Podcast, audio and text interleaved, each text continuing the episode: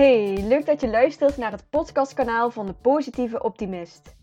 Mijn naam is Romy van den Berg en ik hoop dat ik je mede door dit kanaal de ruimte kan geven om helemaal jezelf te zijn.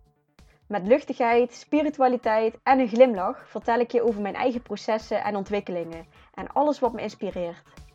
Meer vrijheid, rust, vertrouwen, overvloed en overgave. Laten we nog meer gaan stralen en sprankelen. Dikke knuffel van mij en heel veel luisterplezier. Hey, leuk dat je weer luistert. Ik heb echt een super gave aflevering voor jullie klaarstaan. Eentje waar ik zelf ook zoveel van heb geleerd. En ehm, dat is het gesprek wat ik heb gehad met Celine Schinks. En dat is van het eh, Instagram-account From Nature to Health. En Celine heeft veterinaire natuurgeneeskunde gestudeerd en richt zich zowel op dieren als, als, als op mensen. En ehm, wat ik zo gaaf vind van Celine is dat zij zo intuïtief werkt en zo die kanaaltjes open heeft staan om uh, ja, intuïtief gewoon te weten wat een ander nodig heeft. En ja, we gaan in op, op, op voeding, op ehm, energetische dingen. We hebben het over het zelfhelend vermogen van de mens. We hebben het over vegan, vegetarisch eten. We hebben het over leefstijl. We hebben het over mindset en hoe belangrijk jouw mindset ook is in het ontwikkelen van die uh, gezonde leefstijl. Ja, we hebben het echt over van alles en nog wat gehad. En uh, ik sta te popelen om jullie deze aflevering te laten luisteren. Ik denk dat ze je al heel snel uh, te pakken heeft met, met wat ze allemaal te zeggen heeft. In, al in het begin van de podcast. Dus ik zou zeggen, ga lekker luisteren. En ehm, ja, heel veel luisterplezier. ja. Celine, zou je iets over uh, jezelf kunnen vertellen? Gewoon wat jou, wat jou bezighoudt zo in het dagelijks leven, wat je doet? Ja, zeker. Nou, ik ben Celine. Ik ben uh, 26 jaar. En ik ben uh, afgestudeerd natuurgeneeskundig therapeut. Dus ik heb um, vier jaar daarvoor gestudeerd en um, verschillende vakken gehad, zoals kruidengeneeskunde en homeopathie. Uh, met bachbloesems werk ik veel, essentiële oliën. Um, en daarin heb ik eigenlijk gelijk na het afstuderen mijn eigen praktijk opgestart. Dat ik heel erg uh, in mijn eigen werkwijze daarin wilde ontdekken. En um, ja, dus ik uh, behandel daarin uh, dieren en mensen, allebei. En um, mede door Instagram en dat ik zie wat daar een beetje leeft, ben ik me nu ook steeds meer ja, aan het verdiepen in de hormonen, vrouwelijke hormonen. En dat ook aan het combineren met de bachbloesems, kruiden en de voeding. Uh, en ook omdat ik daar zelf uh, een hele reis in heb meegemaakt. Dus uh, dat is waar ik nu vooral mee bezig ben. Ja. En waarom bloesem zeg je? Bachbloesems. Bachbloesems, ja. wat is dat? Want ik ben er helemaal niet bekend in. Um, veel mensen kennen de Rescue Spray wel van Bach. Dat, is, dat, zijn, dat zijn er acht die allemaal op angst werken. Die, sommige mensen gebruiken die voor vliegangst of examen. Die kun je ook gewoon bij het kruidvat kopen. Hm. Maar dat, dat komt van de, ja, de Bach-therapie. En dat is ooit um, door dokter Edward Bach heette hij. En hij heeft um, 38 verschillende bloesems bestudeerd. En die werken allemaal op, op mentale, op ons karakter, zeg maar. Dus um, ja, ik kan dan op een gegeven moment na een gesprek en na mijn consult uh, bepalen welk karaktertype dat dier of mens is. En dan kan ik echt een speciaal afgestemde remedie maken. En dat is dus ook heel vaak met gedragsproblemen bij honden, maar ook stress bij mensen of angst. Uh, daar werkt dat heel goed op, ja. Dus want dat was eigenlijk mijn volgende vraag van hoe gaat zo'n consult dan? Maar je, je hebt een soort van intake en dan ga je dingen... Uh, ja, neem eens mee. Neem ons eens mee in zo'n... Hoe dat verloopt, zeg maar. Wat, uh, ja, mensen um, benaderen mij meestal natuurlijk met een hulpvraag. En dan um, uh, soms doe ik even van tevoren even kort bellen om even uit te leggen hoe ik werk. Omdat sommige mensen natuurlijk nog helemaal niet echt bekend zijn met de natuurgeneeskunde. Want ik krijg gewoon veel mensen, ook veel diereigenaren, dat die toch vast zijn gelopen in het reguliere en die dan iets anders willen. Dus dan vertel ik even hoe ik werk en dan stuur ik ze een intakeformulier met even gewoon de basic vragen. En dan komen ze bij mij in de praktijk of ik ga naar ze toe of uh, via Zoom doe ik ook wel eens. Um, en zo'n consult duurt meestal zeker wel minimaal een uur, maar ik ben meestal anderhalf uur bezig. Uh, omdat ik toch wel echt een totaalbeeld van dat individu wil hebben. Dus ik ga heel diep in op karakter, maar ook op voeding, echt op alles, op de medische geschiedenis. Um, en dan ja, creëer ik zo echt een totaalbeeld in mijn hoofd. En eh, bij de dieren doe ik dan ook nog een, uh, een aromatest. Dus dan bied ik ze echt een olie aan. Dan kijk ik hoe de dieren daarop reageren. Want dieren weten natuurlijk vanuit hun instinct heel goed wat ze nodig hebben. Hm. Dus dan kijk ik naar de reactie. En ehm, ja, en dan, dan kom ik met een uh, natuurgeneeskundige visie op de klacht. En dan, dat is vaak ook de oorzaak van de klacht. Dus ik kom dan waar het vandaan komt. En dan met een natuurlijk behandelplan, wat dan vaak um, allesomvattend is. Dus daarin neem ik een stukje beweging mee, maar ook uh, voeding. En dan natuurlijk wat natuurlijke medicatie. Dus bijvoorbeeld kruiden of een bakbloesem. Of andere mineralen of celzouten. Of echt op de klacht, zeg maar. Ja. En zijn dat dan dingen die ze, die ze ook bij jou, bij jou kunnen bestellen? Of, of zijn dat gewoon dingen die je uiteindelijk. Uh... Ja, de bag maak ik dan zelf. Um, en soms maak ik ook wel eens een mengsel met bijvoorbeeld een etherische olie. Uh, ik maak bijvoorbeeld voor heel veel mensen die bijvoorbeeld last hebben van koude voeten, maak ik lekker uh, een etherische oliemengsel met, met bijvoorbeeld gember erin. Uh, dus dat kun je gewoon bij mij dan meenemen, want dat heb ik allemaal op voorraad. Maar als ik bijvoorbeeld um, bepaalde supplementen of zo aanraad of een reinigingskuur, dan kijk ik meestal gewoon even mee waar dat op dat moment het goedkoopst is om te bestellen. Dus ja omdat het zo breed is dat ik ook nog niet, uh, ik heb nog niet alles op voorraad, zeg maar. Nee. nee.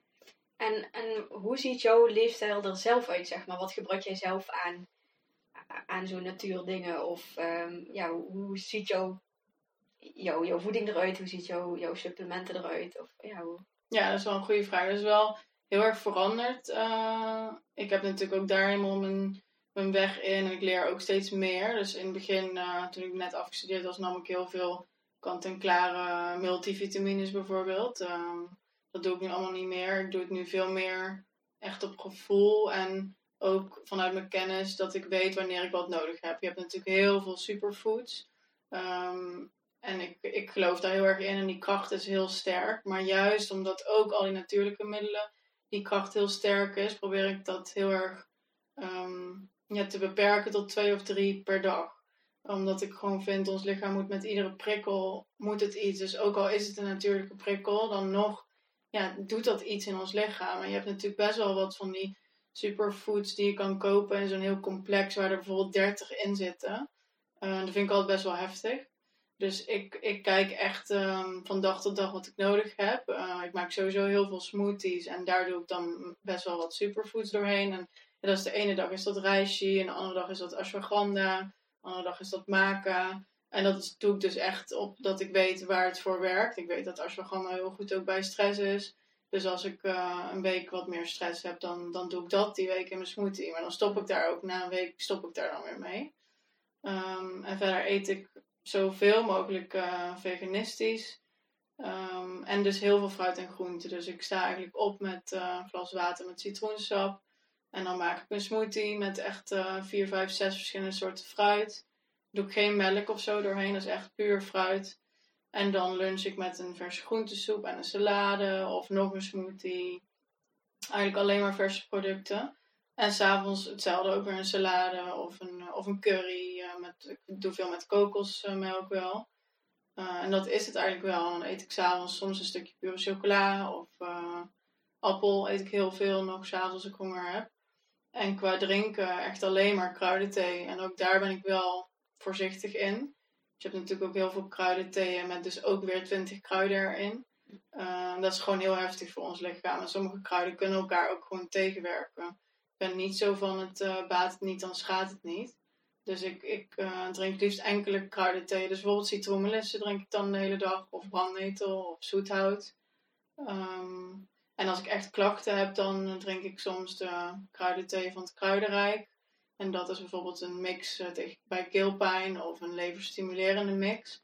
Maar daar zitten ook max vier of vijf kruiden in, zeg maar. Ja, dus zo uh, ziet mijn dag er dan een beetje uit met voeding en uh, supplementen. Ja.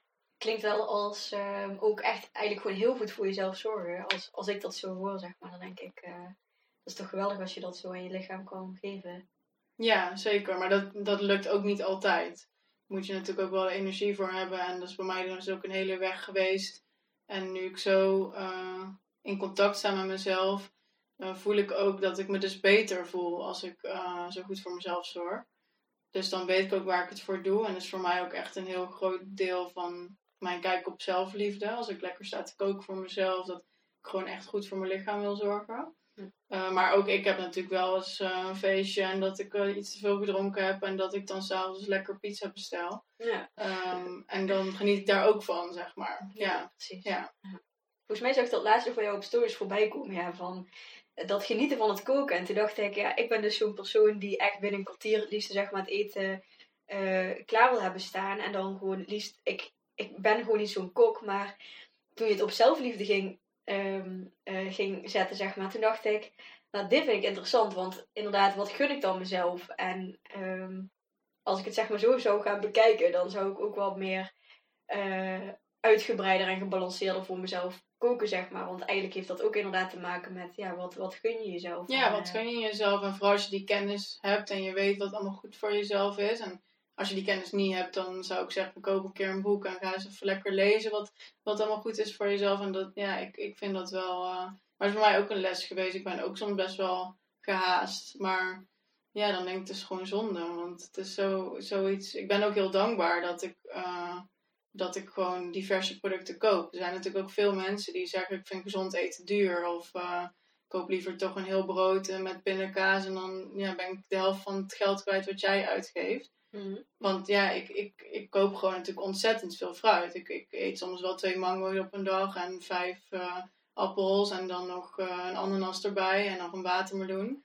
Dus als ik het daar soms met mensen over heb, vinden ze dat duur. Of een heel bakje frambozen. Soms denken mensen, dat, vind ik, dat koop ik alleen maar in de aanbieding. Maar Ja. ja, ik, ik, ik denk dan, ja, wat is duur? Als, als, ik, eh, als ik daarmee echt goed voor mezelf zorg.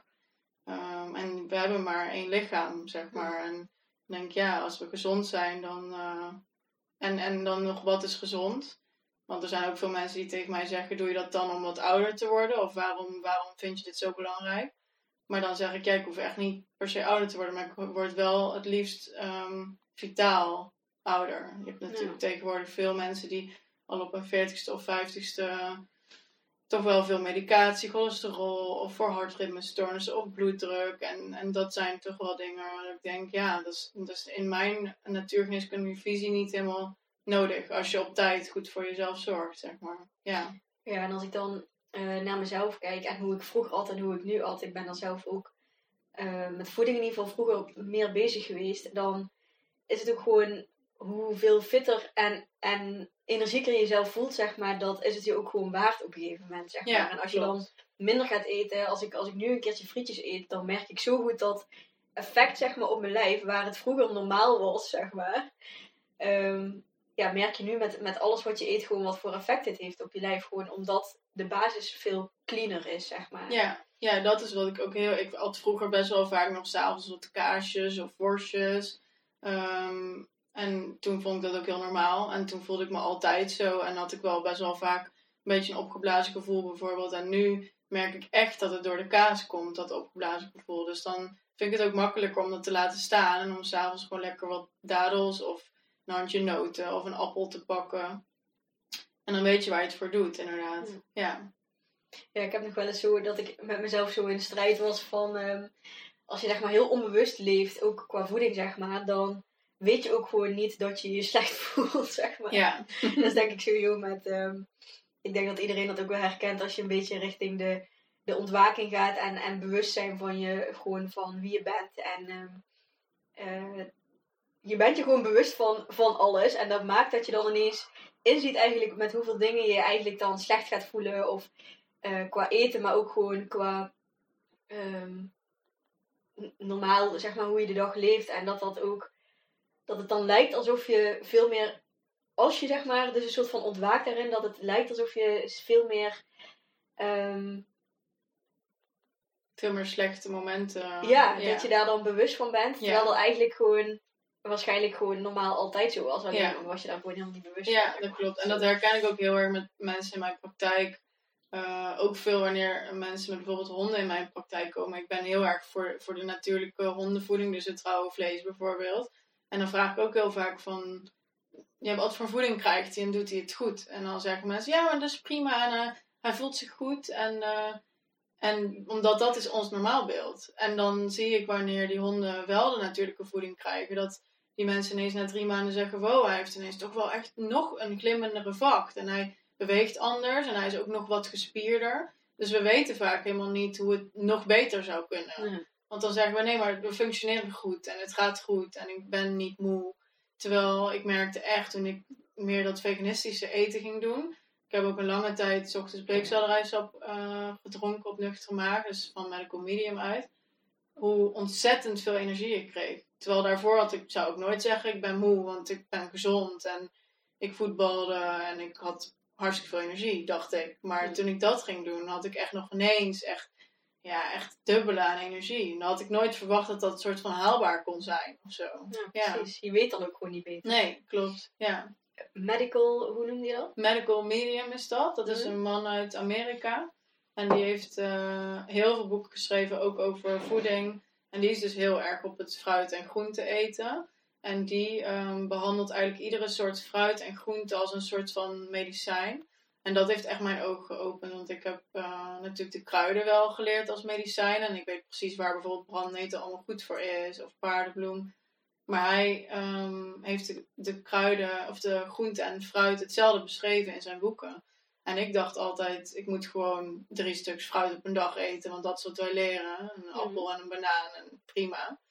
En nu koop ik ook gewoon heel veel verschillende soorten fruit, omdat ik weet dat de mango weer iets heel anders doet in ons lichaam dan een banaan. Dus dat je eigenlijk het allemaal nodig hebt. En als je dan eh, dat natuurlijk interessant vindt, dan kun je natuurlijk gaan kijken waar heb ik last van en welk, welk fruit moet ik vandaag eten, zeg maar.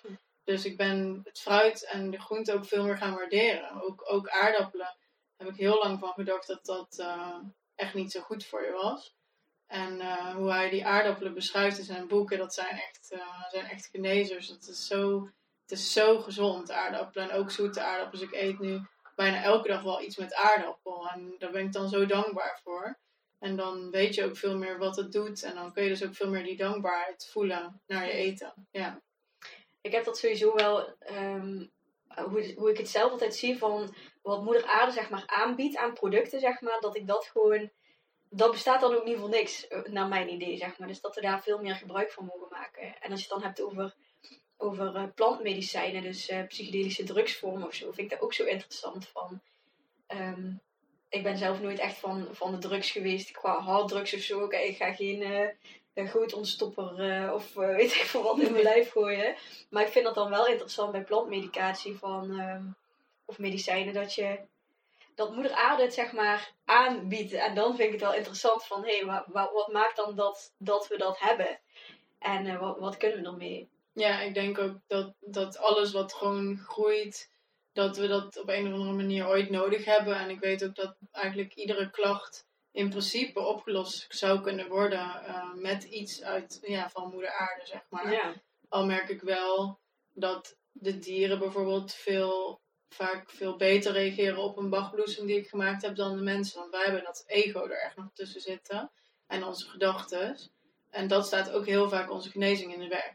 Terwijl ik wel vanuit puurheid wel geloof dat we zouden kunnen genezen van de kruiden en de voeding. Mm. Maar de, de manier waarop we natuurlijk soms nu ook leven, lukt dat ook niet altijd meer. Dus ik ben ook niet per se heel erg tegen regulier. Ik, ik, ik ben alleen voor eerst natuurlijk proberen. En dan is er altijd nog die antibiotica kuur. Hmm.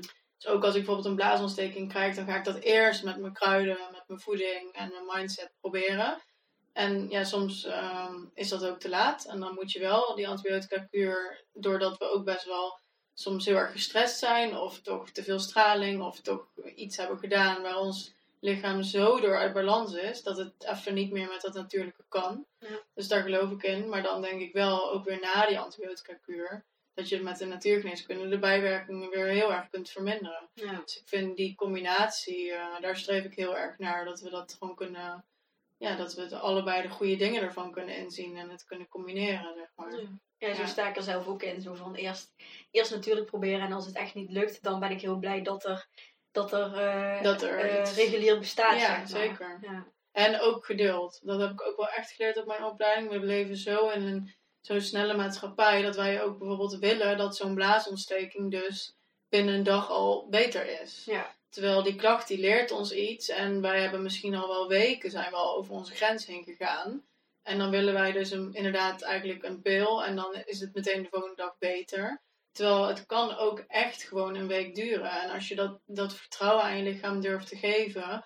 En dus met kruiden gewoon heel erg goed voor jezelf gaat zorgen. Dan hoef je niet in angst te schieten van, oh het wordt niet beter, het moet nu over. We willen vaak veel te snel uh, dat genezingsproces. Dat heeft gewoon tijd nodig. Ja. Oh, ja, dat vind ik echt heel mooi dat je het woord vertrouwen daar ook bij gebruikt. Omdat dat denk ik ook gewoon maakt dat je, dat je zo snel mogelijk ergens van weg wil als iets pijn doet. Of als iets uh, is gewoon, ja, dat heeft gewoon met vertrouwen te maken. Ja, ja. ja. Mooi. En um, je had het net ook over een stukje mindset dan, zeg maar, met...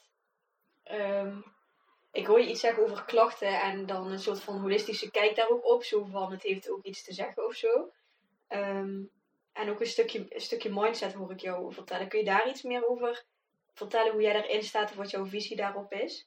Uh, ik geloof sowieso heel erg dat, dat iedere klacht ons iets vertelt. Er zijn ook heel veel boeken over natuurlijk. En um, eigenlijk iedere klacht heeft een bepaalde boodschap. Dus daar zou je helemaal in kunnen duiken. Wat, wat die klacht jou komt vertellen. Um, ik kijk daar niet altijd naar. Ik, ik kijk meestal ook gewoon naar van hoe heb ik voor mezelf gezorgd. Ben ik over mijn grenzen heen gegaan. Um, waar loop ik tegenaan deze weken? Wat, wat, wat, waarom heb ik nu hoofdpijn? En dan gewoon ook goed voor jezelf zorgen. Maar daarnaast ook, um, wat ik ook met dat stukje mindset bedoel, is toch gewoon voelen um, van mijn lichaam kan genezen. En uh, door de reguliere geneeskunde worden we soms best wel een beetje bang gemaakt. Of er wordt dan geschetst van uh, met auto-immuunziektes ook, van je lichaam valt zichzelf aan. Of um, met prikkelbare darm bijvoorbeeld, dat, dat er toch snel gezegd wordt: Oh mensen, ja, je moet hiermee leven, want dit past bij jou. Dus wij we verliezen een beetje het vertrouwen in, in gewoon waar ons lichaam toe in staat is. Ja. En ik, ik geloof er heel erg in als je dus met ook visualisatie, maar ook dat hardop uitspreken of opschrijven, dat je gewoon um, ja, kan zeggen tegen jezelf: Mijn lichaam kan dit. En ik ben aan het genezen en ik zorg goed voor mezelf. En ik ga vanavond vroeg naar bed en morgen voel ik me echt al beter, want mijn lichaam kan dat. En als je dat oprecht ook voelt, dan, dan gebeurt dat. Maar we zijn heel vaak gewoon in de angst en dat we denken, oh, en dan wordt het alleen nog maar erger. Of hoe, hoe ga ik dit nou doen? En de dokter is niet bereikbaar en het wordt nog erger en ik heb pijn. En um, ja, dan, dan schiet je zo in die angst en dan, dan ben je eigenlijk alleen maar bezig met je lichaam niet te vertrouwen. En dan genees je dus ook niet. Dus ik uh, zou nooit zeggen, uh, hier heb je brandnetelthee en uh, dat doet het. Je moet ook echt wel gaan kijken naar je mindset daarin, zeg maar. Ja, ja. ja dat is echt die alle wet van aantrekking. Hè? En ook um, wat jij zegt van opschrijven, visualiseren, heeft dan eigenlijk vooral te maken met dat, dat oude verhaal wat je jezelf verteld hebt, zeg maar. En, en wat is dan mijn nieuw verhaal? Wat, wat zou ik willen geloven? En wat ga ik vanaf nu geloven, zeg maar. Dat je ja. dus... Um, ja, dat is zo krachtig, dat visualiseren. Ik ben ook meteen naar mijn, uh, naar mijn dromenbord aan het kijken zo. Oh, ja. Maar ja. Uh, ja, dat, ja, ja, ja. En soms, soms lukt het je nog niet om zeg maar echt te geloven dat, dat dingen zo kunnen zijn, zeg maar. En dan vind ik het heel mooi om gewoon te fantaseren met die vraag: hoe fijn zou het zijn als? Ja. Mm Dat vind ik zo mooi. En daar kun je dan alles achter zetten wat je graag zou willen. Maar dan kun je toch een soort van contact maken met die vibratie, waardoor je dat ook weer naar je toe gaat trekken, zeg maar. Um, ja, zonder dat je het echt zeg maar volledig al moet geloven, want daar kun je dan soms in blokkeren en dat maakt dan juist dat je weer um, een paar tredes teruggaat op jouw uh, schaal van vibratie, zeg maar. En hoe hoger je zit, hoe meer je ook van dat hoge weer naar je toe gaat trekken. Ja, zeg maar. dus, ja klopt. En het is natuurlijk wel echt met die wet van aantrekking het werkt pas als je het echt voelt ook. Dus weet je, kijk alleen maar een zinnetje opschrijven, dat, dat is natuurlijk niet meteen waar je door gaat genezen. Ja. Maar toch is dat ook waar je moet beginnen. En ook met zo'n vision board bijvoorbeeld. En gewoon steeds meer contact maken. En de lat niet te hoog leggen. En wat je zegt, hoe fijn zou het zijn als het morgen gewoon al een stuk beter met me gaat. Of ik merk dat mijn lichaam dit wel kan. En in het begin is dat misschien een beetje gek. Of dan denk je, ja, ja, het zal wel. Maar als je dat gewoon wel blijft herhalen. En gewoon steeds meer in het vertrouwen stappen, dan uh, op een gegeven moment, ja, ik, ik heb dat wel echt uh, gemerkt, dat het op een gegeven moment steeds makkelijker gaat. Ik vind het ook mooi om dan toch te, je te vergelijken op dat gebied met anderen, zo van, weet je, de wonderen zijn de wereld nog niet uit. En ik ken mensen die dit hebben overwonnen. eh, als je het he- hebt over ziektes of zo, zeg maar. Dan is het zo fijn dat er zoveel voorbeelden zijn van mensen eh, die, ehm, die daar overheen zijn gegroeid. Of eh, die, die dat gewoon voor elkaar hebben gekregen om ergens van te genezen of zo, zeg maar. Of ergens geen last meer van te hebben. En dat helpt mij dan ook weer. Niet dat ik nou een ziekte heb of zo, hoor, maar eh, het zou mij helpen, zeg maar, omdat ik weet dat anderen het kunnen. Van waarom zou ik het dan niet kunnen? Zeg Ja. Dat vind ik ook Ja, altijd dat is sterke. Ja, en er zijn natuurlijk super veel ook mooie video's over te vinden. Ook van Joe Dispenza. En op Netflix staan hele mooie documentaires. Ook over Ja. dat net ook visualiseren, manifesteren. En dat je dan gewoon jezelf echt kan genezen. Ja, Uh, dat, dus dat het gaat echt over die trilling. Ja, dat zelfhelend vermogen van de mensen. Ik moet Ja. meteen ook aan Heal denken op Ja. Netflix. Die is Ja. heel mooi dan om, eh, om te kijken. Ja, en heel komt Medical Medium ook eventjes voorbij. Die eh, vertelt daar ook wat. En dat zelfgeneesvermogen, ja, dat is echt de kern van de natuurgeneeskunde. En eh, daarom vond ik mijn opleiding ook zo fijn dat ik zo breed eh word opgeleid met verschillende dingen. Want ik geloof gewoon niet heel erg in dat je bijvoorbeeld alles alleen maar met kruiden kan oplossen. Want het is gewoon complexer dan dat. Dus je moet altijd een totaalbeeld schetsen van en kruiden, maar ook naar de voeding kijken en naar de beweging.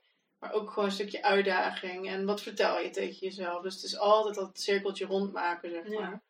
En dat heb ik ook heel erg geleerd op school. Dat ik altijd ook een conclusie ehm, van een klacht eh, moet ik altijd rijmen. En energetisch, en mentaal, en fysiek. Dus het is nooit alleen maar van, oh jouw oorontsteking kwam omdat je te eenzijdig at. Even heel kort door de bocht. Je moet ook altijd gaan kijken van, eh, waarom krijgt deze persoon? Wat zegt dat over het karakter? En eh, een oorontsteking heeft bijvoorbeeld weer heel vaak te maken met dat je bijvoorbeeld letterlijk iets niet wil horen. Ik had laatst ook een hondje in de praktijk waar dat heel mooi naar voren kwam. Die zich helemaal had afgesloten van de omgeving en veel te heftige dingen meegemaakt. En die kreeg last van zijn oren. En die, dat, dat had bij dit hondje niet per se iets met voeding of darmen te maken, maar eerder met gewoon echt eh, ja, afsluiten. Dus niks willen horen. Hm. Dus eh, daar kijk ik ook altijd wel echt naar. Ja. Ja, dat vind ik echt. Maar hoe, hoe kom je op zo'n opleiding, zeg maar? Hoe is die interesse daarin voor jou gegroeid, zeg maar? Al, ben je altijd al een beetje met voeding bezig geweest? Of, of is er ook een soort van andere kant eh, geweest waarin je daar helemaal niet mee, mee bezig was? Nee, ik ben wel echt eh, ook in mijn puberteit eh, veel alcohol en eh, veel energy drink en veel uh, frikandelbroodjes in de pauze. dus ik was wel echt heel anders. Ehm, maar die fascinatie heeft er altijd wel gezeten. En ik was wel altijd, ehm, ik kom ook uit een boerendorpje. Ik was wel altijd buiten met de dieren, dat, dat wel. Ehm, en ik wilde gewoon heel graag eigenlijk dierenarts worden. omdat ik gewoon toch wel met dieren heel veel had. Maar ja, toch dat, dat, ja, dat beetje kortzichtige wat dan toch dat reguliere wel heeft. Van, eh, oh, het is oorontsteking, dus dan altijd maar dit, eh, deze remedie. Ja. Eh, dat, ja, dat sprak me gewoon niet aan. En eh, mijn tante die had ooit een, eh, een web of een eh, cursus weidebeheer op de opleiding gevolgd waar ik nu eh, was. Dus Silverden in Breda heb ik gestudeerd. En eh, dat is ook een van de enige opleidingen in Nederland. En ehm, ja, toen ging ik daar kijken en toen viel voor mij gewoon echt het kwartje. Toen dacht ik, dit is het. Want ik heb ook veel meer contact met de dieren dan dat een echte reguliere dierarts heeft. Want die had echt maar 10 minuten. En ik eh, ja, heb natuurlijk een consult altijd van anderhalf uur. Dus ehm, ja, dan heb je gewoon veel meer tijd. En ehm, de opleiding, mijn school was ook echt een beetje in een bos met de paarden eromheen. Het was echt, eh, het is niet een echte school zoals je je een school voorstelt, zeg maar. Het was gewoon echt in de natuur. Dus ja, toen ik dat ontdekte, toen dacht ik, eh, dit is het. En gaandeweg uh, in die opleiding ben ik gewoon steeds meer beter voor mezelf gaan zorgen. Dus eigenlijk ben ik eerst die opleiding gaan volgen. En toen was ik nog best wel niet per se heel bewust. Wel ook veel aan het feesten, drinken. En uh, ik had toen ook gewoon vlees. En daar dacht ik helemaal niet over na. En in gaandeweg die opleiding is mijn, ja, gewoon de zorg voor mezelf gewoon heel erg veranderd ook. ja. Ja, ik, um, ik ben nou ook even aan het denken aan, aan uh, ik weet dat jij ook gestopt bent met anticonceptie. Um, zou je ons ook mee willen nemen in, in dat proces, zeg maar? Is dat ook ergens daar gestart dat je dan bewust met, met voeding bezig gaat en dat, dat je dan ook uitkomt op hormonen van, hé, hey, daar wil ik ook eens naar kijken? Of hoe, hoe is dat proces verlopen? Ja, dat was wel uh, in de opleiding de eerste, denk ik, anderhalf jaar uh, stond die opleiding dus echt nog wel los van mijn leefstijl. Dus toen leerde ik alles en ik was echt een spons en al die kruiden. Ik vond het geweldig. Maar na anderhalf, twee jaar denk ik wel dat ik op een gegeven moment op zo'n punt kwam dat ik dacht, ik moet gewoon wel echt ook stoppen met anticonceptie. Ik moet het in ieder geval proberen. Omdat ik natuurlijk steeds meer leerde ook over ja, wat hormonen met ons lichaam doen. En uh, omdat je als natuurgeneeskundige ook heel erg wel op de lever zit altijd. Dus toch ook wel veel chemische stoffen in ons lichaam. En uh, nou ja, toen ging ik natuurlijk kijken naar mijn eigen anticonceptiepil. En um, toen dacht ik, ik, uh, ik ga het proberen. Ik, ik, had me er niet heel erg in verdiept. Uh, ik had toen ook al best wel lang een relatie. En toen zei ik tegen mijn vriend toen van ik ga het proberen. En uh, nou, ik stop 6, 7, 8 maanden max. En, en als ik dan niet echt iets van verschil merk, dan begin ik gewoon weer. En stiekem had ik dat denk ik ook wel een beetje verwacht. Dat het, ja, dat het niet zo heel veel verschil zou maken. En um, ja, ik dacht ik wil gewoon stoppen, want ik ben jong en ik wil eens kijken. Stel dat het nu wel echt heel veel verschilt, dan, dan sla ik mezelf gewoon echt voor mijn kop als ik pas stop op mijn dertigste of 35ste. Hm. Als ik misschien ooit kinderen zou willen. En, um, dus ik dacht, nou, ik ga het gewoon proberen, echt als een experiment. En ik weet nog dat ik stopte en dat ik echt al na twee weken in de trein naar school zat. En dat ik naar buiten keek en dat er een soort van deken van me afviel. Dat ik heel anders de wereld zag. Uh, alsof er geen filter meer tussen zat. Dat was echt bizar. Mm. En um, toen merkte ik pas ook dat mijn stemmingswisselingen gewoon veel minder werden. En dat ging best wel snel.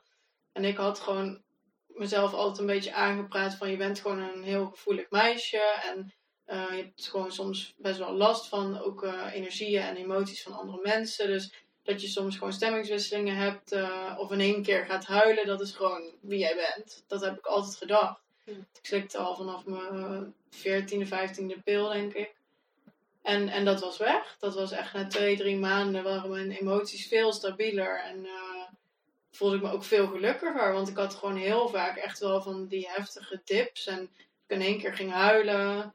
En dat alles me te veel werd. En ik weet nog wel dat mijn vriend dan zei: Kom, we gaan lekker uh, naar een feestje. En dan kon ik bijvoorbeeld geen leuk outfit vinden. Nou, dan lag ik op bed te huilen. En ik dacht dat dat was wie ik was. En dan zeg ik feestje af en dan helemaal drama. En yeah. dat, dat, dat is nooit meer geweest. Dat is nooit meer geweest. Ik dacht meteen, ik, ik, ik wil nooit meer iets van kunstmatige hormonen in mijn lichaam. Ik had nooit verwacht dat het zo'n groot effect zou hebben. En ik weet ook niet of dat bij iedereen is, want ik ben ja, ook Ik, ik herken het wel echt uh, volledig hoor. Alles wat je zegt uh, kan ik ook linken aan wat er bij mij toen gebeurd is. Ja. ja, mooi. Dus ik denk dat veel meer men mensen dat hebben. Maar dat er ook gewoon heel weinig voorlichting over is. Ook vanuit de huisarts. En dat vind ik wel kwalijk. Ik vind wel dat het eigenlijk gewoon verteld moet worden. Dat sommige vrouwen hier gewoon heftig op reageren. Mentaal ook. Um, dus ja, ik ben daarna nooit meer gestart. Uh, ik kreeg toen wel, uh, denk na een paar maanden wat meer last van mijn huid. Omdat ik natuurlijk eigenlijk altijd pil geslikt had. Was gewoon mijn huid super egaal en uh, nooit last van acne gehad, ook niet tijdens de puberteit. Um, maar ja, het onderdrukt natuurlijk alles en het hele systeem staat eigenlijk een soort van stil. Um, en toen kreeg ik wel echt veel last van mijn huid en dat heeft lang geduurd. En daar heb ik toen wel ook mentaal wel veel last van gehad en me heel erg druk om gemaakt. En ik merkte ook dat ik altijd erg verschilde achter hoe ik eruit zag, zeg maar, ook in de puberteit. En daar, dat ik daar mijn zelfverzekerdheid aan koppelde. En dat werd nu natuurlijk uh, een beetje op de proef gesteld. Dus dat, daar heb ik me heel kwetsbaar in gevoeld. En um, ja, toen ben ik ook gewoon vanuit mijn kennis, visie, natuurgeneeskunde een hele weg gaan afleggen om te kijken of ik dat kon oplossen. En dat bleek nog niet zo makkelijk, zeg maar. Ja.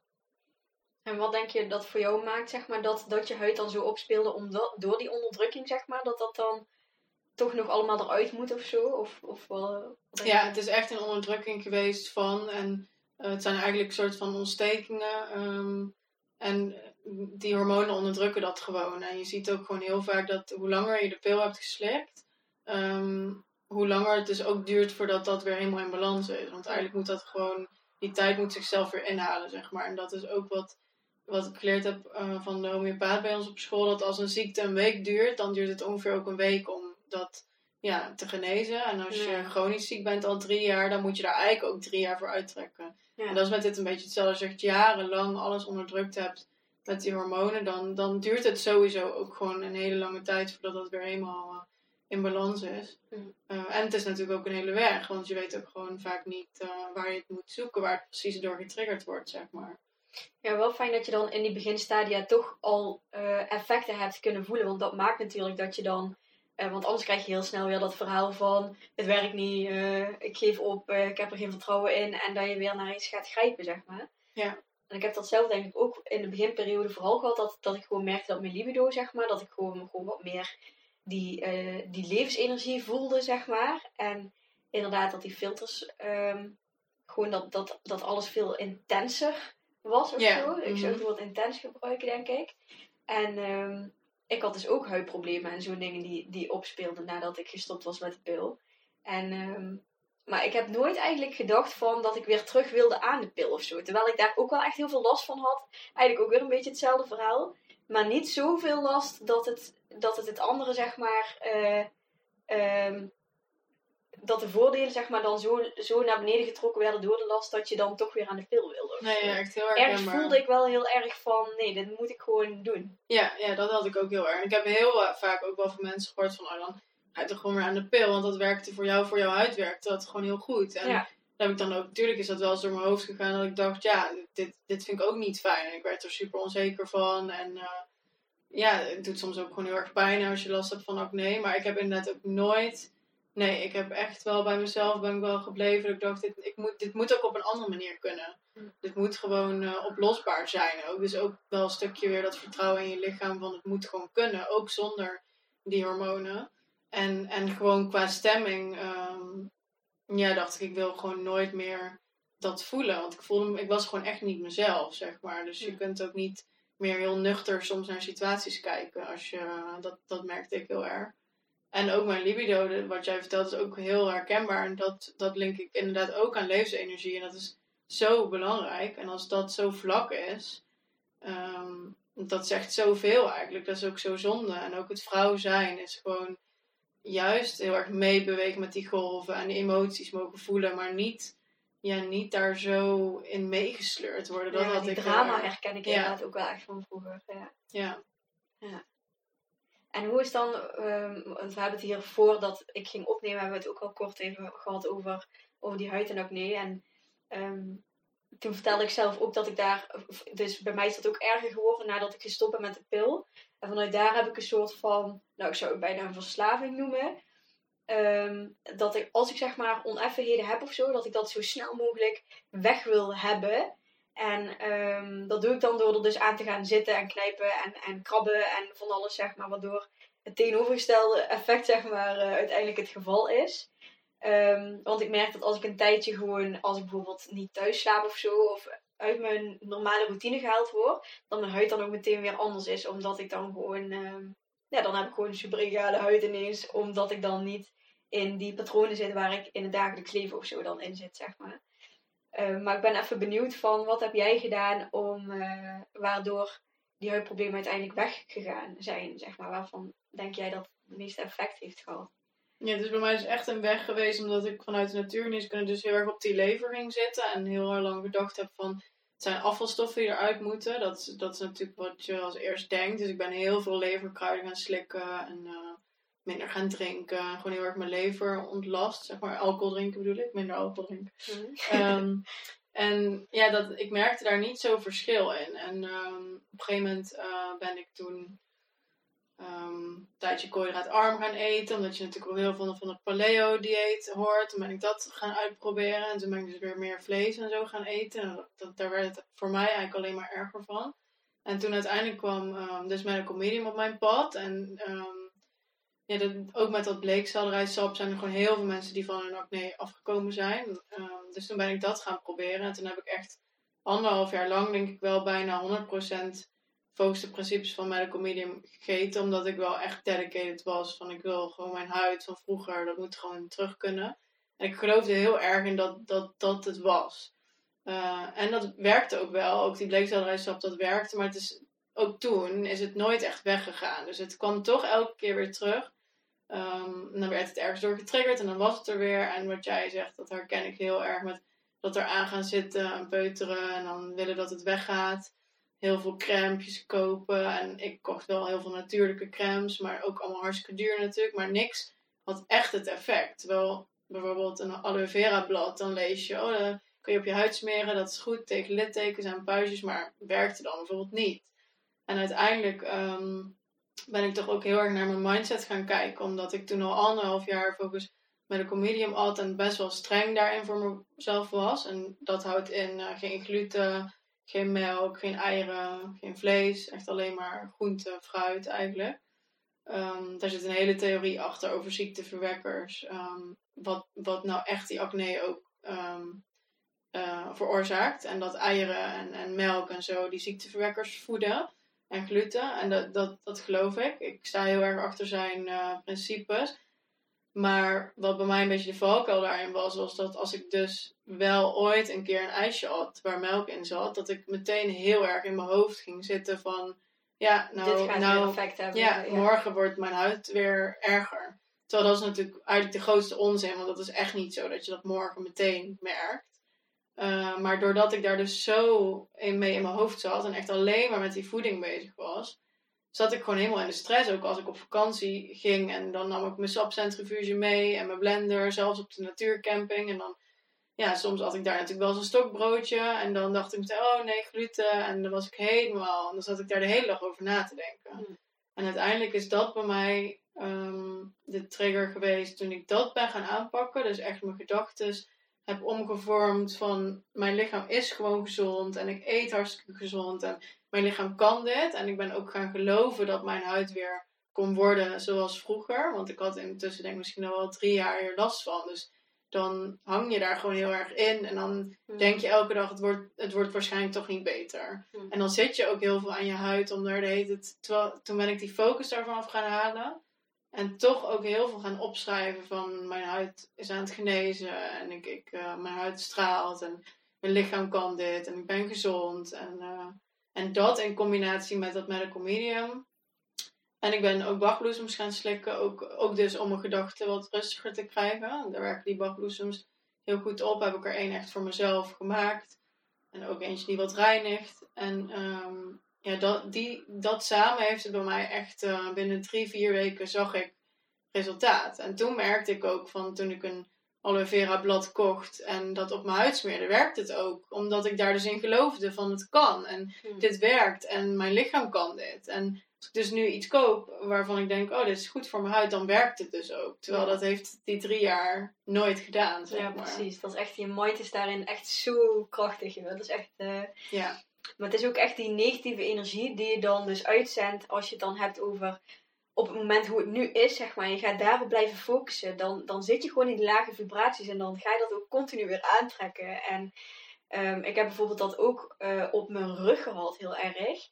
En ehm, het is zo grappig, want volgens mij is dat afgelopen zomer ook nog geweest. En eh, vanuit daar, weet ik veel, ben ik gewoon zie je alleen met douchen nog jezelf, zeg maar, uh, naakt. En um, mijn hele focus is daar gewoon afgegaan. Terwijl ik daar eerst elke dag, elke dag in de spiegel kijk van, oh nee, het is echt, oh nee, ja. het erger. Oh. Mm -hmm. En um, van de ene op de andere dag of zo ben ik daar gewoon ineens niet meer mee bezig geweest. En nu is alles ineens weer weg. Dat is zo, ja. zo grappig ja. hoe dat werkt. Ja, zo werkt het echt. En je moet natuurlijk wel, ik snap heel goed als je echt wel last van je huid hebt, dat het heel moeilijk is om daar die focus van ja. af te halen. Want ja, je bent precies. daar gewoon heel erg mee bezig. En je moet wel echt het ook er dus in geloven. En ik had ook wel eens dingen naast de spiegel hangen van, oh, mijn huid glimt en uh, ik voel me mooi. En dat voelde ik toen helemaal niet zo. Nee. Maar toch ben ik daar wel mee doorgegaan. En die bachbloesem heeft mij daar dus heel erg mee geholpen om toch die gedachten minder te gaan geloven. En um, ik denk wel dat, dat dat echt de key is. En dan geloof ik nog steeds wel in de voeding en uh, het hele medische stuk erachter. Wat acne dus veroorzaakt en ook hoe medical medium dat dus beschrijft. Ja. Dat is voor mij nog steeds de waarheid, zeg maar. Maar, um, maar ik, ik voel ook dat, dat je het zonder je gedachten kan het niet, zeg maar. Zonder hoe jij je eigen werkelijkheid creëert, kun jij het niet oplossen. En um, nu eet ik best wel vaker een stukje brood. En ik eet nu ook, als het weer zomer wordt, ook echt wel weer ijs. En uh, ik eet ook soms wel weer pizza. En nou, dat, daar zat ik echt dan soms dagen mee in mijn hoofd. Oh, ik heb toen pizza gegeten. En nu geniet ik gewoon van die pizza. En uh, de volgende dag sta ik wel weer op. En dan maak ik mijn smoothie weer en mijn citroenwater. Dus ik pak het wel meteen weer op. Ik blijf daar niet in hangen. Dat deed ik vroeger ook. Mhm. Dan dacht ik ook, ik heb gisteravond pizza gegeten, dan kan ik Nou nu ook het wel een broodje. Ja. Dat doe ik echt niet meer. Ik pak het gewoon ieder moment van de dag pak ik het weer op. Maar ik geniet nu gewoon van mijn ijsje. En dan zeg ik ook tegen mezelf, ik ben hartstikke gezond en mijn lichaam kan, mijn lichaam kan dit. Het is gewoon onzin om te denken dat je daar meteen de volgende dag last van je huid van krijgt. Dat Ja. is gewoon niet waar. Dat, dat, dat praat je jezelf echt aan. Ja, en, Ja. en daarin vind ik het ook weer mooi om gewoon te vergelijken, weet je wel, met, met anderen, maar ook met jezelf in eerdere stadiums, weet je wel. Van, dat vind ik ook met alles wat eh, ontstaat qua ziekte of zo. De- het is er ook ooit niet geweest. Ja, dus klopt. wie zegt dat, het, dat we niet daar weer naar terug kunnen, zeg Ja. maar. Ja, en dat is dus als je lang last van je huid hebt, dan vergeet je een beetje dat het anders kan. Dan, Ja. dan durf je daar niet meer echt in te geloven. Ja. En toen ik daar echt in ben gaan geloven, van ik ben een jonge, jonge meid en ik zorg goed voor mezelf. En als ik het vergelijk met anderen, zorg ik heel goed voor mezelf. Dus dit, dit moet mogelijk zijn, zeg Ja. maar. En daarin spelen je hormonen natuurlijk wel ook een rol. Er zijn natuurlijk heel veel mensen die zeggen, oh het is hormonale acne. Dus op het moment eh, dat je eh, natuurlijk ongesteld wordt, wordt vaak eh, de acne erger. Ehm, en dat heeft eigenlijk niks met je hormonen te maken. Dat heeft puur te maken met dat op het moment dat jij in je cyclus, in je ongesteldheid zit, dan zakt je immuunsysteem met 80%. Dus eigenlijk op dat moment werkt het nog maar voor 20%. En dan ineens kunnen dus die ziekteverwekkers waar Medical Medium het over heeft, komen dan dus omhoog. En die kunnen dan dus hun kans pakken. Terwijl normaal gesproken werkt jouw immuunsysteem heel hard en dan lukt het om dat een beetje onder de radar te houden. Maar rondom jouw menstruatie kan dat dan gewoon niet. En dat is wel waar ik zelf ook wel op let. Dat ik dan dus probeer rondom mijn menstruatie ook wel toch gewoon wel lekkere, gezonde snacks in huis te halen. Want je weet gewoon als vrouw dat je dan vaak wat meer zin hebt in lekkere dingen. Dus dan probeer ik dat wel een beetje. Dat ik wel wat lekkere dadels heb. Of dat ik een smoothie in het voren maak. Ik zorg dat ik geen honger krijg. Want dan krijg je echt die cravings. En dan neem ik ook wat meer weerstandsverhogende kruiden. Echinacea. En ik slik extra vitamine C. Dat doe ik dus, dus rondom mijn menstruatie. Omdat ik wel weet dat mijn immuunsysteem dan wat zwaarder heeft, zeg maar. Ja, mooi. Ik vind echt alles wat je...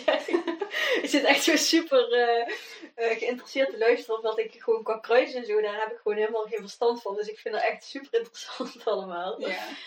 Ehm, jij bent nu ook een cursus aan het ontwikkelen, toch? Over eh, anticonceptie, of in ieder geval zonder hormonen. Ehm, ik vroeg me af, wat gebruik jij op het moment zelf, zeg maar, als anticonceptie? Ja, op het moment gebruik ik dus helemaal niks. Ik ben, toen ik gestopt ben, eh, ben ik denk ik een jaar helemaal. Ik heb helemaal niks gebruikt. Toen heb ik een koopspiraal genomen, omdat ik toen nog dacht van dat is het soort van meest natuurlijke en ik wil dus geen hormonen meer in mijn lichaam. Ja. Dat zou ik met mijn kennis van nu, zou ik ook geen koopspiraal meer nemen, want koper is wel gewoon een heftig, eh, dat is eigenlijk gewoon een zwaar metaal en dan krijg je dan echt wel veel van in je lijf. En ook Ja. koper kan ziekteverwekkers voeden, ook de ziekteverwekkers die acne dus kunnen veroorzaken. Dus ehm, ik zou daar nu niet meer voor kiezen, maar dat heb ik toen gedaan. Die heb ik een jaar gehad, die koperspiraal. En toen heeft mijn lichaam een soort van afgestoten. Toen heb ik er weer een gehad, weer een jaar. En toen dacht ik van nee, dit, eh, dit ga ik niet meer doen. Want mijn lichaam gaf echt aan dat het gewoon niet, niet goed voor mij was. Dus op dit moment gebruik ik niks. Ik gebruik wel ehm, mijn, eh, een app en die heet Maya. Daar kun je heel mooi ook je cyclus inzien. En dat vind ik sowieso ook gewoon fijn voor als ik sociale afspraken plan. Dat ik dat een beetje probeer te doen tijdens mijn vruchtbare periode. Omdat je dan gewoon zin hebt in een feestje en om je mooi te maken. En natuurlijk rondom je menstruatie en net daarvoor wil je gewoon eigenlijk lekker met jezelf. Kokonnetje, theetje. Dus daar probeer ik rekening mee te houden. En met die app kun je natuurlijk ook je vruchtbare dagen zien. En ehm, daar heb je ook nog de Daisy voor. Daar wil ik me ook nog wat meer in gaan verdiepen. Daar kun je Ja. ook je temperatuur mee meten. Maar daar heb ik eerlijk gezegd zelf nog geen, ehm, ja, nog geen ervaring mee. Maar ik, eh, op dit moment heb ik ook geen relatie. Dus het is nu voor mij gewoon even anders. Maar ik, eh, ik moet daar natuurlijk nog wel even induiken hoe ik dat op de lange termijn wil gaan doen. Ja, precies. Eh, maar dan denk ik dat ik toch naar die Daisy toe Ja. ga. Ja. Ik moet zeggen, ik heb nu zelf een koperspiraaltje. Voor mij voelt dat voor nu oké. Ehm, maar ik heb toch het idee dat er in de toekomst dat ik misschien toch ook wel weer wel- wat anders wil, zeg maar, van, om het nog natuurlijker te gaan Mhm. maken, zeg maar. En dan kom ik ook vaak uit op die Daisy. ehm, en dat is dan zo'n soort temperatuurmeter. Die moet dan elke ochtend meet je dan je temperatuur. En dat is schijnbaar zo specifiek dat je gewoon kan zien van dat zijn je vruchtbare dagen. Ook wanneer je menstruatie er aankomt, kun je dan echt al zien aan, eh, aan dat apparaatje. Eh, ik denk als je eenmaal als je dat eenmaal elke ochtend zeg maar gewoon gewend bent om te doen, dat dat ook echt gewoon heel fijn, eh, fijn werkt inderdaad. Ja, en ik denk dat het fijn is omdat je dus ook je cyclus heel erg leert kennen. Dus het is en natuurlijk uh, als soort van anticonceptie, maar ook omdat je heel erg in contact komt met je lichaam. Dus je die Mm. temperatuur ook ziet veranderen en dat je gewoon ook snapt hoe, hoe je jezelf voelt. En omdat wij vrouwen natuurlijk gewoon heel erg gewoon, ehm, die emoties veranderen gewoon heel erg. En de Ja. ene dag heb je gewoon heel erg zin om iets te gaan doen. En de andere dag wil je liever alleen zijn. En dat kun je daar gewoon heel goed aan koppelen. Ja. Het is ook fijn als je daar gewoon mee in contact staat. En eh, naar jezelf kan luisteren ook, zeg maar. Ja. En die, en die cursus die je aan het ontwikkelen bent, waar, waar neem je, is dat al zo ver ontwikkeld dat je een beetje kan vertellen van waar je vrouw dan in gaat begeleiden, zeg maar? Wat, eh, voor, voor wie is dat? eh? Ja, ik ben, ik ben echt nog heel veel ook aan het brainstormen en heel veel boeken aan het lezen. Ook om nog wat meer info erover te hebben. Maar ik, ehm, mijn focus gaat liggen op ehm, vrouwen begeleiden tijdens het stoppen. Want er zijn gewoon heel veel vrouwen die graag zouden willen stoppen met hormonale anticonceptie. Of bijvoorbeeld een koperspiraal. Maar die gewoon bang zijn van wat gebeurt er als ik stop. Er zijn natuurlijk mensen die soms al echt jarenlang de pil slikken. En die ook niet meer weten van wat gebeurt er. Misschien word ik wel heel heftig omgesteld. Of de laatste keer dat ik stopte, kreeg ik hier en hier last van. Dus ik wil eigenlijk mensen echt begeleiden naar dat stuk van stoppen. Dus dat ze al beginnen met kruiden en beginnen met eh, eh, gezonde voeding en mindset. En dat ik ze dan langzaam laat stoppen. Dat ik geloof dat je dan veel minder last van die klachten hebt. Omdat je lichaam dan al aan het, ja, daar naartoe aan het leven bent, zeg maar. Ehm, en ik wil natuurlijk ook gewoon de vrouwen helpen die nog steeds last ervaren van eh, dat ze zo lang hormo- hormonen hebben geslikt. Dus ook bijvoorbeeld met een huid, maar ook een onregelmatige cyclus. Daar kun je gewoon met, met kruiden heel veel mee met een onregelmatige cyclus. Ehm, en ik wil gewoon ook dat stukje voorlichting er echt in meenemen. Dus ik wil ook gewoon vertellen van wat, wat, wat heeft dat nou al die tijd met je gedaan? Of wat, doet, wat doen die hormonen met je? Voor ook vrouwen die misschien nog twijfelen van eh, wat doet het? Want ik denk dat als ik eerder had geweten wat die hormonen uit die pil precies doen, dat ik wel eerder had willen stoppen. En dat Ja. ik ook ehm, daar tijd en aandacht in wil stoppen, omdat ik weet eigenlijk eh, hoe slecht het is en wat Ja. het allemaal doet.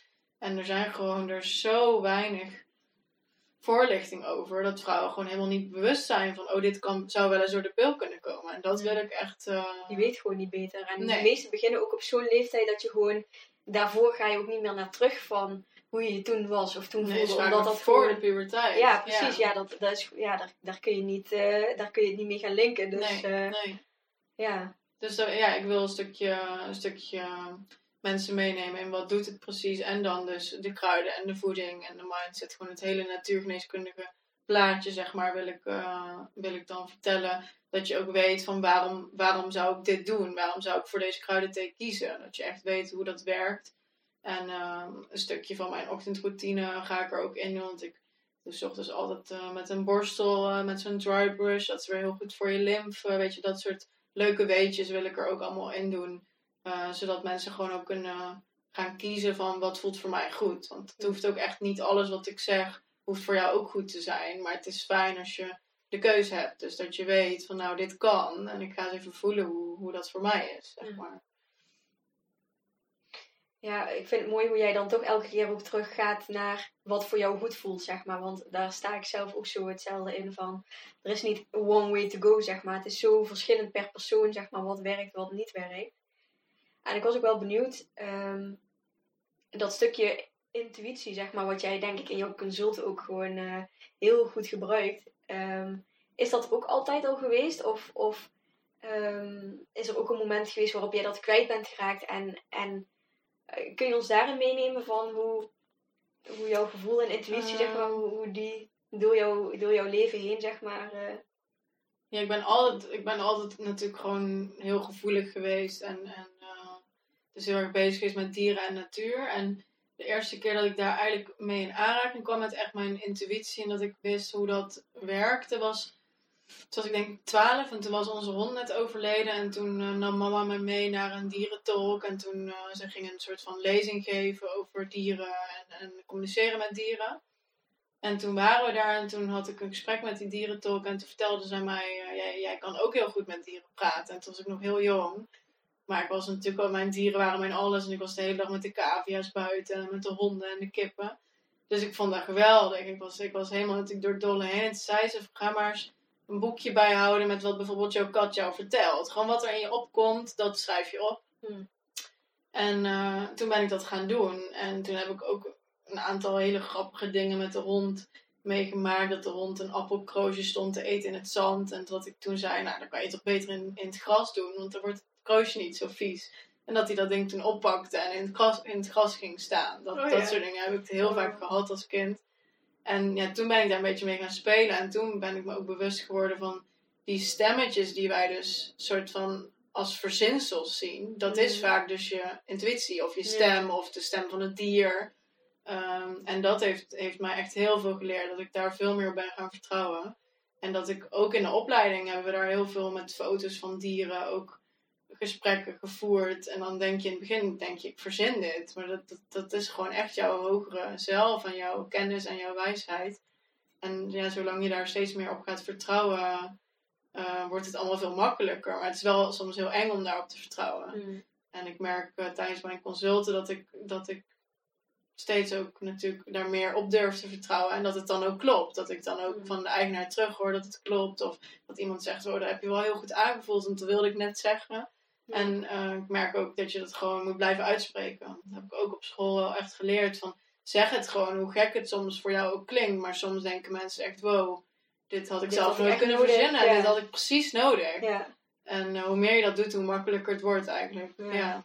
ja. prachtig. Want ik zit zelf nu dus in een, in een soort van proces waarin ik het mediumschap aan het, eh, aan het ontdekken ben.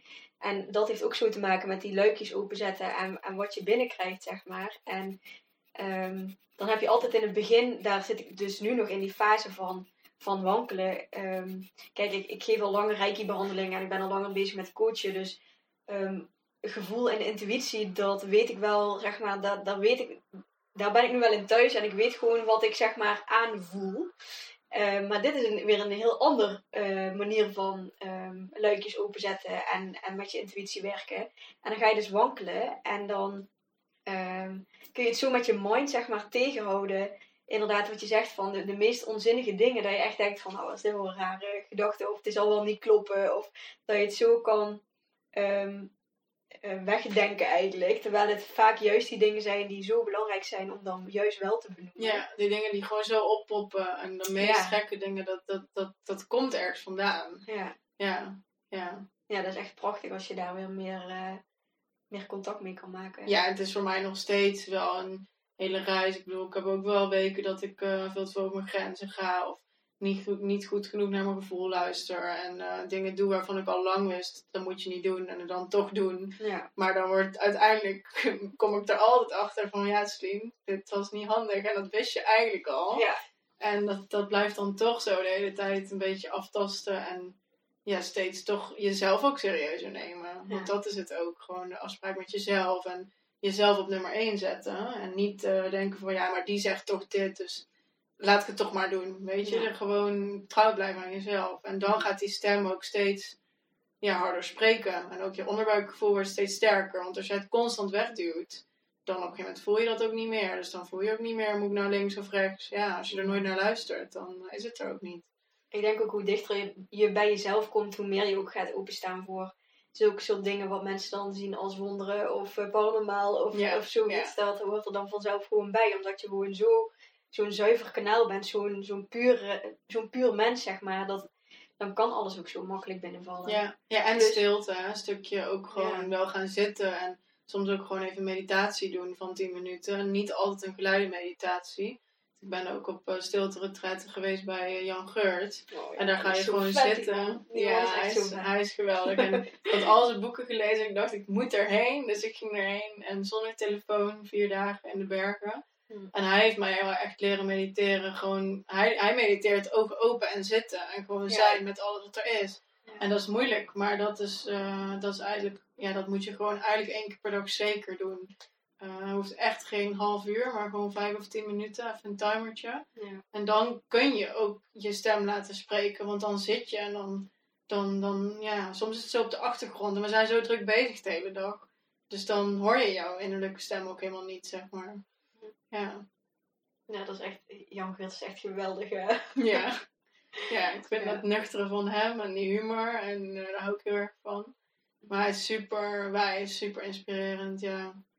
Ja. En ook dat heb ik echt al best wel jong. Ik denk ik mijn 17 al een boek van hem had, Verslaafd aan Liefde. Ja. Hoe ik daar precies aan kom, dat weet ik eigenlijk niet. Maar toen is ook die fascinatie al een beetje begonnen. En toch altijd meer willen weten en leren. En hij is daar wel echt... eh, ja, ik heb echt eh, heel veel van hem geleerd. Ja. Zijn er nu nog bepaalde dingen, als je het hebt over persoonlijke ontwikkeling of spiritualiteit, waar je je mee bezighoudt of waar je graag in verdiept? Of zit je nu ergens, vind je nu iets heel interessant of zo? Ehm, ik ben nog steeds wel mijn, mijn weg aan het vinden met dat visualiseren, manifesteren. Omdat ik natuurlijk met mijn huid heb ik dat heel erg soort van ervaren hoe sterk dat werkt. Dus wat je uitstraalt en waar je in gelooft. En wat je voor je ziet dat, dat, dat je dat waar kan maken. Best wel snel ook. Maar dat vind ik nog wel moeilijk om op andere gebieden toe te passen, zeg maar. Dus ik ben ook een beetje bezig met money mindset. En daar ook boeken over aan het lezen. Ehm, en minimalisme ben ik nu een beetje over aan het lezen ook. Dus eh, ik ben lekker aan het opruimen thuis. En eh, eh, zo heb ik steeds een soort van thema waar ik dan weer helemaal induik. En eh, ja, dat vind ik wel, eh, vind ik wel leuk. Van dat, van dat hele spirituele wereld en het hele bewuste, de bewuste mensen. Dat er steeds weer iets nieuws op je pad komt. En dat ik dan weer denk, oh, dit is ook heel leuk. En dan moet ik ook niet, niet te veel, want ik wil dan altijd eh, mijn vier boeken tegelijk aan het Ja, lezen. ja, dat ken ik ook al. Dus eh, ik probeer dat nu eh, echt even een boek uit te lezen, zeg maar. Dus ik ben nu ehm, met een boek over minimalisme, ik ben even de naam kwijt. Ehm, ja, ik weet het zo niet. Maar dat, ja, dat vind ik, daar ben ik nu mee bezig. Ja. Ja. er staan ook Netflix-films volgens mij over minimalisme. Oh, dat weet ik dus niet. Ja, dat is ook wel interessant. Ik ga hier even tussendoor kijken hoe lang we al aan het praten zijn. Ja, dat dacht ik al. Bijna een uur. Ja, Het gaat zo voorbij eh, als je er lekker in die, eh, in die Ja, zit, gaat snel, Ja. En ik vind ook alles echt super interessant. Dus ik kan nog wel honderd vragen stellen. ja, precies wat jij dan voelt, dat had ik ook op school altijd heel erg. Als ik dan weer iets hoorde en ik dacht, wow, dit, Ja. dit is gewoon... Meer, meer, meer. wow, ja. ja, dat is echt heerlijk. Ja. Ja.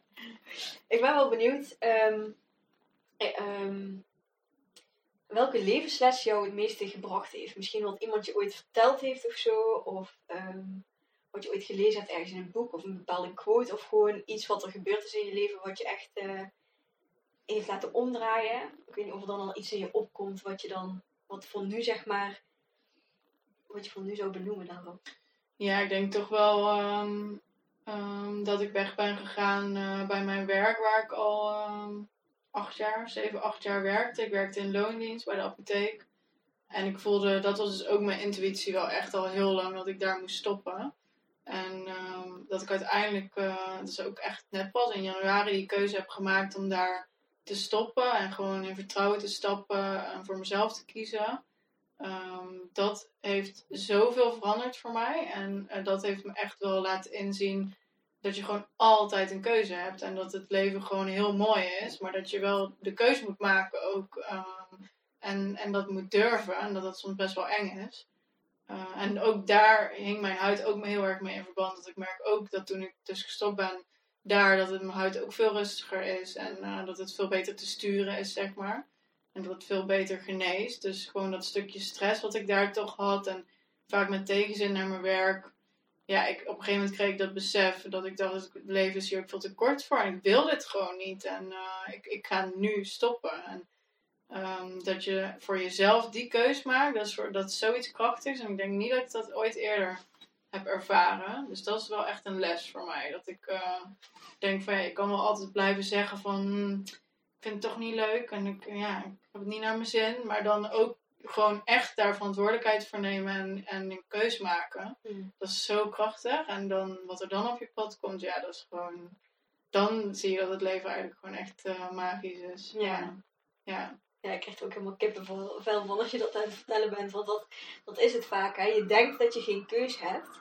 Of je zit zo vast in jouw... Verstrikt in, in, in jouw denkwijze Ja. en, en hoe, hoe je het ziet, zeg maar. In jouw, in jouw waarheid, in jouw visie.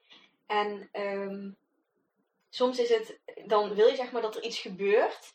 Terwijl je nog daarin zit of zo. Maar vaak werkt het andersom. Dat je dus eerst een stap moet maken. En dat vanuit daar ineens ehm, het plan ontstaat. Ja. Dus bij jou ook zo van... ehm, ehm, eerst zeg maar dat er eerst bijvoorbeeld op een andere manier inkomsten binnen moeten komen of zo voordat je kan stoppen met je werk. Of vanuit stoppen met je werk ontstaan ineens Die andere inkomsten. Ja, klopt. Dus, dus Ja. het is vaak echt die stappen durven te maken. Gewoon, En dat is eh, en ook super eng, weten, maar ja, maar dat- ook weten dat van, je gaat er gewoon niet dood aan, weet je wel. Nee, Ja, precies. Ja. als je Dat wil, had ben je ik morgen weer ergens aan het werk. Ja, En, eh, ik dacht ook, wat is het ergste wat er kan gebeuren? Ja, dat is een mooie. Ja, weet je, en dat is wel gewoon echt gaan zitten en denken van, wat, nou, waar ben ik het allerbangste voor? Nou, Ja. dit. Nou, en wat doe ik dan? Nou, ik dacht, wat is het allerergste? Nou, dat ik dan mijn huisje uit moet. Nou, dan kijk ik of ik bij papa en mama weer kan wonen voor een tijdje. En toen dacht ik, nou, dat is het dus. En Ja. nou ja, dan, en dan denk ik, dan is het leven dus veel te mooi om, om daarin te blijven hangen. Want, en, en uiteindelijk ehm, gebeurt dat vaak dus niet, omdat je een goede keus maakt. En ik merk echt eh, dat dan ineens alles op je pad komt. Ja, Ja. dan stroomt het leven Ja. weer. Hè? Dan is die... En dat wist ik en daar had ik al heel veel boeken over gelezen, maar ik durfde het niet. eh, ik durfde er niet in te geloven of zo. Of Ja. ik durfde niet eerst die keuze te maken. Ja. Ja, dan ervaar je het echt. En dat heb ik zelf ook. En eh, als je, als je wel eens nog met mensen hebt die gewoon heel rationeel, zeg maar, gewoon in de wereld staan, gewoon eh, vooral in hun mind zitten. Ehm, als je het dan hebt over zo'n dingen als, als manifesteren of gewoon, weet je wel, dat, dat gewoon je pad ontvouwt gewoon, dat Mhm. alles gewoon vanzelf loopt, dan kunnen ze zich daar ook helemaal niks bij voorstellen. En ik kan mezelf daar ook nog heel goed in verplaatsen, omdat ik daar vroeger ook echt helemaal niets mee had, zeg maar. Maar het is gewoon echt zo dat, dat als jij dichter bij jezelf komt en in lijn komt, zeg maar, dat jouw mind ook in lijn komt met jouw intuïtie en gevoel. En dat je gewoon eh Ja, durft te luisteren keuzes. Ja, naar ook die intuïtieve Mhm. stem. En, en gewoon naar je lijf en naar, naar jezelf. Dan, dan is het zoveel moeitelozer allemaal, zeg maar. Dan, ja, dat dan- is een hele mooie moeiteloos. Want ik, ik had heel erg het idee dat ik een beetje tegen de stroom inzwom. En dat Ja. is dan ook je normaal. Ik was bijvoorbeeld ook heel vaak mijn sleutels kwijt. Echt een heel dom voorbeeld. Ja, Ik was heel vaak dingen kwijt en dan kwam ik daardoor te laat of zo. En op het moment dat ik ontslag nam en dat ik daar wegging, ehm, ja, was dat niet meer zo. Terwijl dat zou je daar helemaal niet aan koppelen. Maar het leven ging gewoon ineens veel makkelijker. ja. Maar ik had het natuurlijk daarvoor nooit ervaren. Dus ik dacht altijd, ja, ik ben gewoon, ik ben gewoon al de sleutels kwijt. Maar nu is dat niet meer zo. En Ja. dan denk ik, ja, het leven is veel makkelijker eigenlijk dan dat wij zien. Als je maar de goede keuzes durft te maken, zeg maar. Ik zie Ja. ook echt, ik heb nou echt zo'n super helder plaatje voor me met een stroming, zeg maar, een soort van cirkelstroming van water. Met een soort van eindpunt. En dat je dan de hele tijd tegen de stroming in aan het zwemmen bent naar dat eindpunt toe. Ja. Terwijl als je gewoon je met de stroming mee laat glijden, dat je op hetzelfde punt uitkomt, weet je wel. ja. En Maar ook dat weet maar je dat- dus vaak niet. Je weet dat gewoon niet, dat het anders vertrouwen. kan. Vertrouwen in, in dat grote geheel. En dat, je gewoon, dat je gewoon geleid wordt. En, en, en ja, het is echt dat stukje vertrouwen. in ja, en dat ook ervaren. Want ik snap dus heel goed dat mensen denken, ja, het is goed, maar daar geloof ik niks van. Of het zal wel, het klinkt veel te mooi om waar te zijn. En dat klinkt ook bijna te, als je zoiets zelf nog nooit ervaren hebt, dan, dan, durf, je- dan, kun je dat, dan snap je dat ook niet helemaal. Nee. Dat is heel logisch ook. Dat had ik ook heel erg. Anders had ik veel eerder die keuze durven maken. Want ik wist dat het zo werkte, maar ik durfde er niet helemaal in te geloven. Ja, voor mij is het dan ook toch weer die vrouwen volgen die, die al zo leven, die zo moeiteloos leven. En, en dat inspireert mij dan van, jeetje, als hun dat kunnen, dan, dan kan ik dat ook. En hoe ga je dat dan voor elkaar krijgen, weet je wel? Dat is echt, ehm, ja, dat is gewoon heel mooi als je in die wereld terechtkomt van ehm, luisteren naar je gevoel. Ja, van magie eigenlijk. En ja, spelen met het leven. ja, dat, ja. dat alles ineens weer een wonder wordt in plaats Ja. van, ja, Ja, dat is prachtig. Ik denk dat we hem eh, gaan afsluiten. Ik weet niet of je, nog een, of je nog een laatste boodschap hebt over alles waar we het zeg maar over hebben gehad in dit uur. Van wat je ze nog zou willen meegeven als, als boodschap, de luisteraars. Hmm, ja, blijf dicht bij jezelf en voel wat voor jou goed voelt wel. Want ja, ook wat ik zeg, daar pak daar ook de dingen uit eh, die goed voelen. En met voeding en met alles gewoon eh, ja, blijf leren en, en voelen en uitproberen, zeg maar. Dat, eh, dat is wel mijn boodschap. Ja. Ja. Ja, En vertrouwen op je ja. lichaam en op je immuunsysteem. En, ja. Van, dat we gewoon van nature gewoon gezonde wezens zijn. Ja, en dat ons lichaam ook heel hard altijd elke dag aan het werk is om, om in balans te blijven en om jou te genezen. En dat zien wij gewoon niet altijd. En eh, als je de juiste keuzes maakt en soms hele kleine dingetjes verandert, dat je je lichaam daar gewoon in kan ondersteunen, zeg maar. Ja. Nou, hoe prachtig dat als je een wondje hebt, dat het gewoon ook uit zichzelf geneest. Weet je wel. Precies. Hoe wonderlijk is je lichaam dan Ja, eigenlijk. ja. Nou, dan ehm, wil ik je bedanken voor dit mooie gesprek. En ik vind het nog wel fijn ehm, om de luisteraars even te vertellen waar ze jou kunnen vinden. Volgens mij zei ik het in het begin van het gesprek al, jouw Instagram-account. Eh, From Nature to Health. Ja. En ehm, ook mijn website heet ook www.fromnaturetohealth.nl. En eh, ja, op Instagram ga ik veel meer delen ook over de cursus en eh, over de kruiden en de hormonen. Dus ehm, ja, je mag altijd- me altijd een berichtje sturen met vragen. Dus eh, ga lekker kijken. Ja. Ja. En jij ook bedankt dat Ja. ik hier kon zijn vandaag. ja, dat was echt een fijn gesprek. Ja, leuk. Fijn dat je nog luistert. Als deze aflevering je heeft geïnspireerd, dan zou ik het super leuk vinden als je hem gaat delen op social media. Daar help je mij en ook anderen mee. Dat kan bijvoorbeeld door een screenshot te maken of via de deelknop op Spotify. Via iTunes kun je ook een review over dit kanaal achterlaten. Wil je meer weten over mijn onderneming of wil je nog meer gratis geïnspireerd worden? Volg me dan op Instagram onder de naam @depositieveoptimist. Of neem eens een kijkje op mijn website www.romyvandenberg.nl. Voel je vrij om me ook een berichtje te sturen via mijn Instagram kanaal of via het contactformulier op mijn website. Bedankt voor het luisteren.